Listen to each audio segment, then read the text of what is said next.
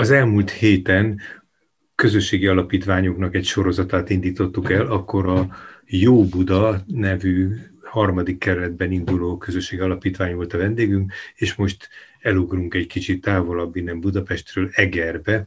Egerben is egy közösségi alapítvány létrehozásán dolgoznak. A vendégeink Rakusz Márta és Búzás Eszter. Sziasztok! Szia! Sziasztok! Szia!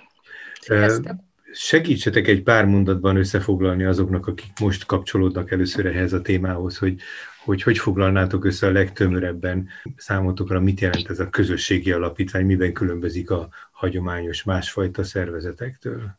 Igazából, ami a legfontosabb, hogy, hogy abszolút helyi forrásokra támaszkodik, és a helyi forrásokat, legyen az bármilyen erőforrás, akár nyilván pénzügyi, de egyéb bármilyen helyi forrásokat a helyi, helyi ügyekkel próbálja összekötni. Tehát egy ilyen összekötő kovász próbál lenni a, a helyi források és a helyi ügyek között, és ezen dolgozik egy közösségi alapítvány, hogy minden eszközzel e-, ezt elérje.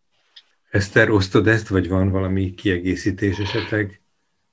Teljes mértékben egyetértek ezzel, amit Márti mondott, tulajdonképpen az a fontos célunk, hogy többek között, hogy egy híd szerepet töltsünk be mi is, többnyire a közösségi alapítványok, és hát az egyik nem titkolt célja még talán az ilyen közösségi alapítványoknak, hogy a helyi adományozási kultúrát fejlesz az adott település sajátosságaihoz mérten. Uh-huh. Azt tudjuk, vagy hát nem biztos, hogy a hallgatók tudják, hogy a, az elmúlt egy évben a Gyökerek és Szárnyak, ez egy fejlesztő alapítvány, Magyarországon azon dolgozott, hogy a korábban alakult és tartósan működő két ilyen típusú alapítvány mellé minél több alakuljon egy éven belül, és hát most, valami, ha jól emlékszem, nyolcan is a, az elindulás vagy a start lépések körül tartanak. A, ahogy a múlt héten már beszéltünk az Óbudai Jó Buda közösség alapítványról, ti Egerben hogy kezdtetek, vagy volt-e valami sajátos? Tehát mi az, amit érdemes elmondani, hogy ismertétek egymást, teljesen új emberek találkoztak, pillanatok alatt megértettétek egymást, vagy kellett egy összerázódás, szóval, hogy hogy alakult az a kis csapat, egyáltalán van-e egy kis csapat? Szerintem abszolút van, nem is olyan kicsi, mert szerintem a, a tíz ember az már nem is annyira kicsi ö, csapatnak mondható. Igazából nem ismert mindenki mindenkit egyáltalán így a, a társaságból. Én voltam az, aki így kipécéztem magamnak néhány embert, és, és azt gondoltam, hogy láttam bennük azt a fajta nyitottságot, meg közösségi szemléletet talán, ami, ami arra engedett következtetni, hogy, hogy helyük lenne egy ilyen csapatban, illetve én azt gondoltam, hogy mindenképp megszólítom őket ez ügyben.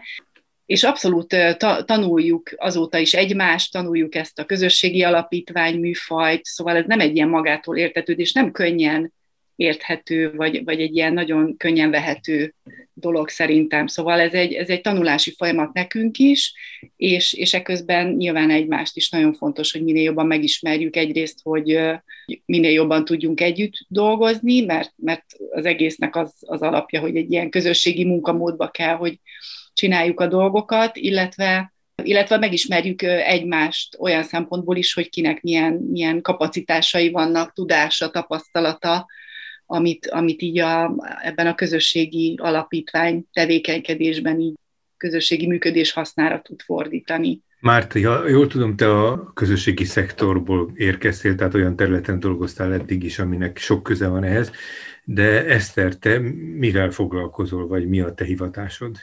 Én közművelődési szakember vagyok, Uh-huh, hát akkor ez tőled sem áll olyan hasonló. nagyon. Aha. Igen, hasonló, összejött ugyanabból a szektorból. Mondja is a régi mondás, hogy főd a főddel házasodik, úgyhogy az így, így van, tehát hogy hozzám is közel áll ez a szakma, meg a közösségi, közösségfejlesztés, közösségszervezés mindenképpen, és hát tulajdonképpen itt a, a leendő alapítványi tagokkal már közel egy éve dolgozunk együtt azon, hogy milyen is legyen ez az EGRI közösségi alapítvány. Mit Néhány ilyen mérföldkövet mondjatok, hogy mi az, ami, amin gondolkodtok, hogy mi az, amit tervezni lehet.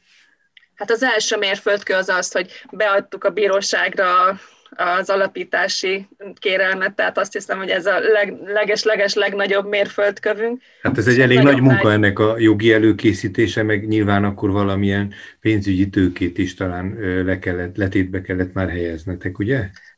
Hát igen, ezek párhuzamosan történnek. Abban a szerencsés helyzetben vagyunk, ahogy Márti mondta is, hogy nagyon sokféle helyről, sokféle szakemberként vagyunk ebben az alapító csapatban, és hál' Istennek van egy jogász végzettségű csapattagunk, aki magára vállalta ezt a, a jogi dokumentáció összeállítást, és igen, közben már párhuzamosan elkezdtük az alaptőke gyűjtését is, és azt mondhatnám, hogy így haladunk ebben, és egyelőre a Kárpátok Alapítvány, mint szervezet, aki segít minket, hogy ez az adománygyűjtés is hivatalos úton módon történhessen már ebben az első fázisban is, amikor még nem vagyunk bejegyzett alapítvány.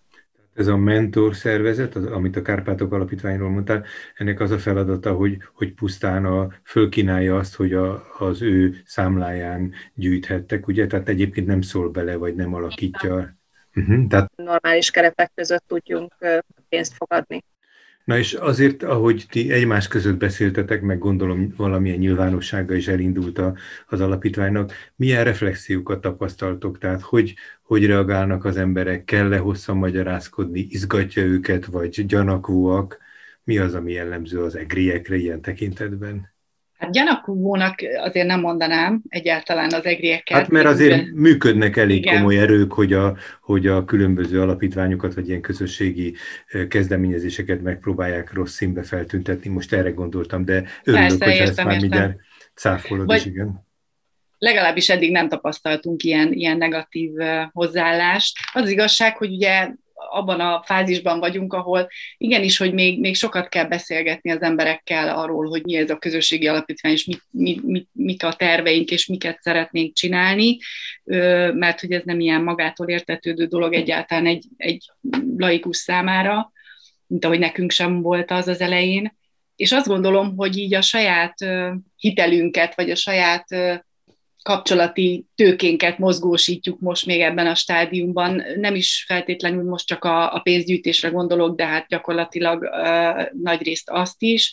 Arra is gondolok, meg, meg arra, hogy, hogy itt, itt nyilván olyan emberek, én azt gondolom, hogy olyan emberek ből áll ez a csapat, akikben meg, megbíznak az emberek, mert, mert valamit letettek már az asztalra, vagy valami a saját szakmájukban elismertek, vagy egyszerűen tényleg olyan, olyan nyitott gondolkodásúak, akiknek a nézeteit könnyen elfogadják a, a körülötte lévők, azért még nagyon sokat kell dolgozni, és, és ennek még tényleg a legelején vagyunk, de azt gondolom, hogy, hogy kezdjük így jól megalapozni ezt, és sokkal könnyebb lesz a dolgunk, amikor már tényleg ilyen konkrétumokat tudunk felmutatni majd, és nem csak beszélünk arról majd, hogy, hogy milyen jó dolgokat fog a közösségi Ugye, alapítvány csinálni. Az az, az az egyik sajátossága, vagy talán nehézsége is ennek a formának, hogyha jól sejtem, akkor nem a közösségi alapítvány maga fog programokat szervezni, meg akciókat indítani, hanem, ha jól sejtem, olyanokat kerestek, akik maguk ilyen dolgokban gondolkodnak, és akik valamilyen módon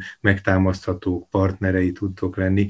Nem biztos, hogy ez pont így van esetekben, esetetekben, én csak ezt egy feltételezésként mondom, de mégis látszanak-e olyan lépések, már első lépések, amivel valamilyen módon a nyilvánosság előtt megjelentek, amivel nyilván rokonszenvet és, és kapcsolódási szándékot reméltek a városbeliektől? Az elméletet az teljesen jól mondod, így van, tehát, hogy nem mi fogunk szervezni különböző támogatni való eseményeket, hanem olyan közösségeket keresünk, akár jogi személyiséggel rendelkező civil szervezeteket, akár baráti vagy utcaközösségeket, tehát aki olyan emberek is csoportját itt a városban, akik valamilyen célért dolgoznak együtt, és érdemesnek ítéltetnek arra, hogy támogatást adjunk nekik. Van-e az ilyen nyilvánosság elé lépésre valamilyen konkrét tervetek, vagy akár bár utána is lehettek esetleg ilyennek? Hát eddig sajnos még nem volt rá lehetőségünk, hogy nagy nyilvánosság hát igen, a pandémia az nagyon erős fékező dolog. Így van, de azért mi már nagyon nagyon-nagyon készülődünk, és Hát éves programunk persze az van, azt, azt megterveztük, de ahogy mondtam, tehát eddig még nem igazán sikerült. Amikor a bejegyzésünk megtörténik, azt mindenképpen szeretnénk egy ilyen kis közösségi ünnepléssel talán egy picit magunkat is, meg a leendő közösség, közösségeinket is megünnepelni, és hát egy kihívást tervezünk, ami, ami most még azért egy titkos nem rántanám le a leplet róla, de egy izgalmas kihívással készülünk a csapatoknak és a kisebb-nagyobb közösségeknek, ami Egerhez is fog kötődni, 1552-höz is fog kötődni, de ennél többet nem hát árulok. Hát egyre kíváncsibbá tettél. Nyilván ez a bezártság, amire hivatkoztál, ez nagyon nehezíti a helyzetet, de talán gondolom, hogy, hogy a, az online felületeken, vagy valamilyen, nem tudom, hogy helyi médiában csak-csak lehetett megjelenni, tehát valahogy már a csinálásnak azért lehetett ideje. Márta, voltak-e ilyen lépéseitek? Abszolút, persze, tehát mi ezzel, ezzel indítottunk, hogy azért már gyakorlatilag decembertől, tavaly decemberétől mi így kiálltunk úgymond a nyilvánosság elő, elé, létrehoztuk a Facebook oldalunkat, ahol azt hiszem, hogy már talán ilyen 600 körüli követőnk van, ami nem is olyan rossz talán, és, és igazság szerint talán szerencsénk volt, vagy nem is tudom, jó, valahogy jó hullámra felültünk, mert, mert nagyon sok helyi média megtalált minket, szinte nem is nekünk kellett ezügyben iparkodni, hogy, hogy megmutathassuk magunkat, vagy beszélhessünk arról, hogy, hogy vagyunk, és, és leszünk, és mik a terveink, hanem, hanem sokan megkerestek minket, és különféle formában, tehát a helyi EGRI televíziótól, de egyébként egy országos online orgánum is megkeresett minket, szóval elég sok, 6-7 cikk jelent meg, és akkor igyekeztünk így a csapattagokat hadra fogni mindenkit, hogy nyilatkozzon mindig, mindig más, és, és ez, ezek, a, ezek a riportok, újságcikkek abszolút az Facebook oldalunkon követhetők, elolvashatók. És rezonanc, az a felület. rezonanciát is keltettek ezek? Tehát lehet valami hatása, tehát érzitek, hogy keresnek, egy le, jól, egy legalább egy lájkot nyomnak, hogy valamilyen üzenetet küldenek? Igen, igen, abszolút ezt érzékeljük, és, és, és elindult az is, hogy, hogy emberek megkeresnek minket azzal, hogy önkéntesként jelentkeznének. Van, vannak olyan cégek, akik megkerestek minket azzal, hogy ők a szolgáltatásaikat ajánlanák föl az alapítvány javára. Szóval ilyesmi mozgolódást érzünk, uh-huh. és, és én azt gondolom, hogy, hogy érzünk egy, egy, egy nagy érdeklődést és szimpátiát én egyelőre abszolút érzek így a kezdeményezéssel kapcsolatban Egerben. Hogyha néhány mondatban, vagy néhány apró villan, felvillanást azért szeretnénk, hogy mi lehet az EGRI alapítványnak a sajátossága, ami már elmondható anélkül, hogy valami titkot felfednénk ideje korán. Szóval, hogy tudtok-e mondani egy-két dolgot, ami, ami arra az adottságra, ami akár a földrajzi, akár a, a, a hagyományok tekintetében, akár a, a város és környéknek a szerepének a tekintetében látható. Tehát van, van-e valami olyan dolog, amit, ami már most nagyon valószínű, hogy ennek a EGRI alapítványnak az egyik sajátos fazonja lesz. Lehet, hogy a bátor EGRI nők ö, tükröződik a, az összetételében is a, az alapítványnak egyébként ké, a kuratóriumi tagok közül két férfiunk van, és a többiek nők, de ezt most csak így vízből gondoltam, de amúgy azt gondolom, hogy hogy, hogy Eger ugye, tehát nyilván Eger kívülállóként, vagy nem, tehát Egerben élve is azt gondolom, hogy Eger egy jó hely, Eger egy, egy élhető léptékű város, ráadásul egy gyönyörű hely, turisztikai szempontból abszolút egy kiemelt destináció, és hát az utóbbi időszakban szerintem hihetetlen látogatottsága van Egernek turizmus szempontjából, és szerintem pont, pont talán ez a különlegesség ebben az egészben, hogy igazából mi meg így a másik végéről próbáljuk megfogni ezt a történetet, hogy, hogy de mi az, amitől egy, egy helyinek, egy egrinek jó itt lenni, uh-huh. és, és mi azt gondoljuk, hogy nem attól, hogy egy gyönyörű turisztikai jelentőségű városban élünk, hanem attól, hogy jó legyen ide tartozni ehhez az egri közösséghez, ami az egri, egri emberekből áll és ez, ez független kell, hogy legyen attól, hogy, hogy a turizmus mennyire dübörög, vagy nem. Szóval valami ilyesmit érzek én egy kicsit uh-huh. a másik, másik oldalról közelítjük a történetet. Igen, ez a, az egyik nem titkolt és megfogalmazott célunk, hogy a helyi identitás erősítsük itt Egerben, még jobbá, még élhetőbbé tegyük azt a várost, ahogy igen, ez most is egy élhető kisváros.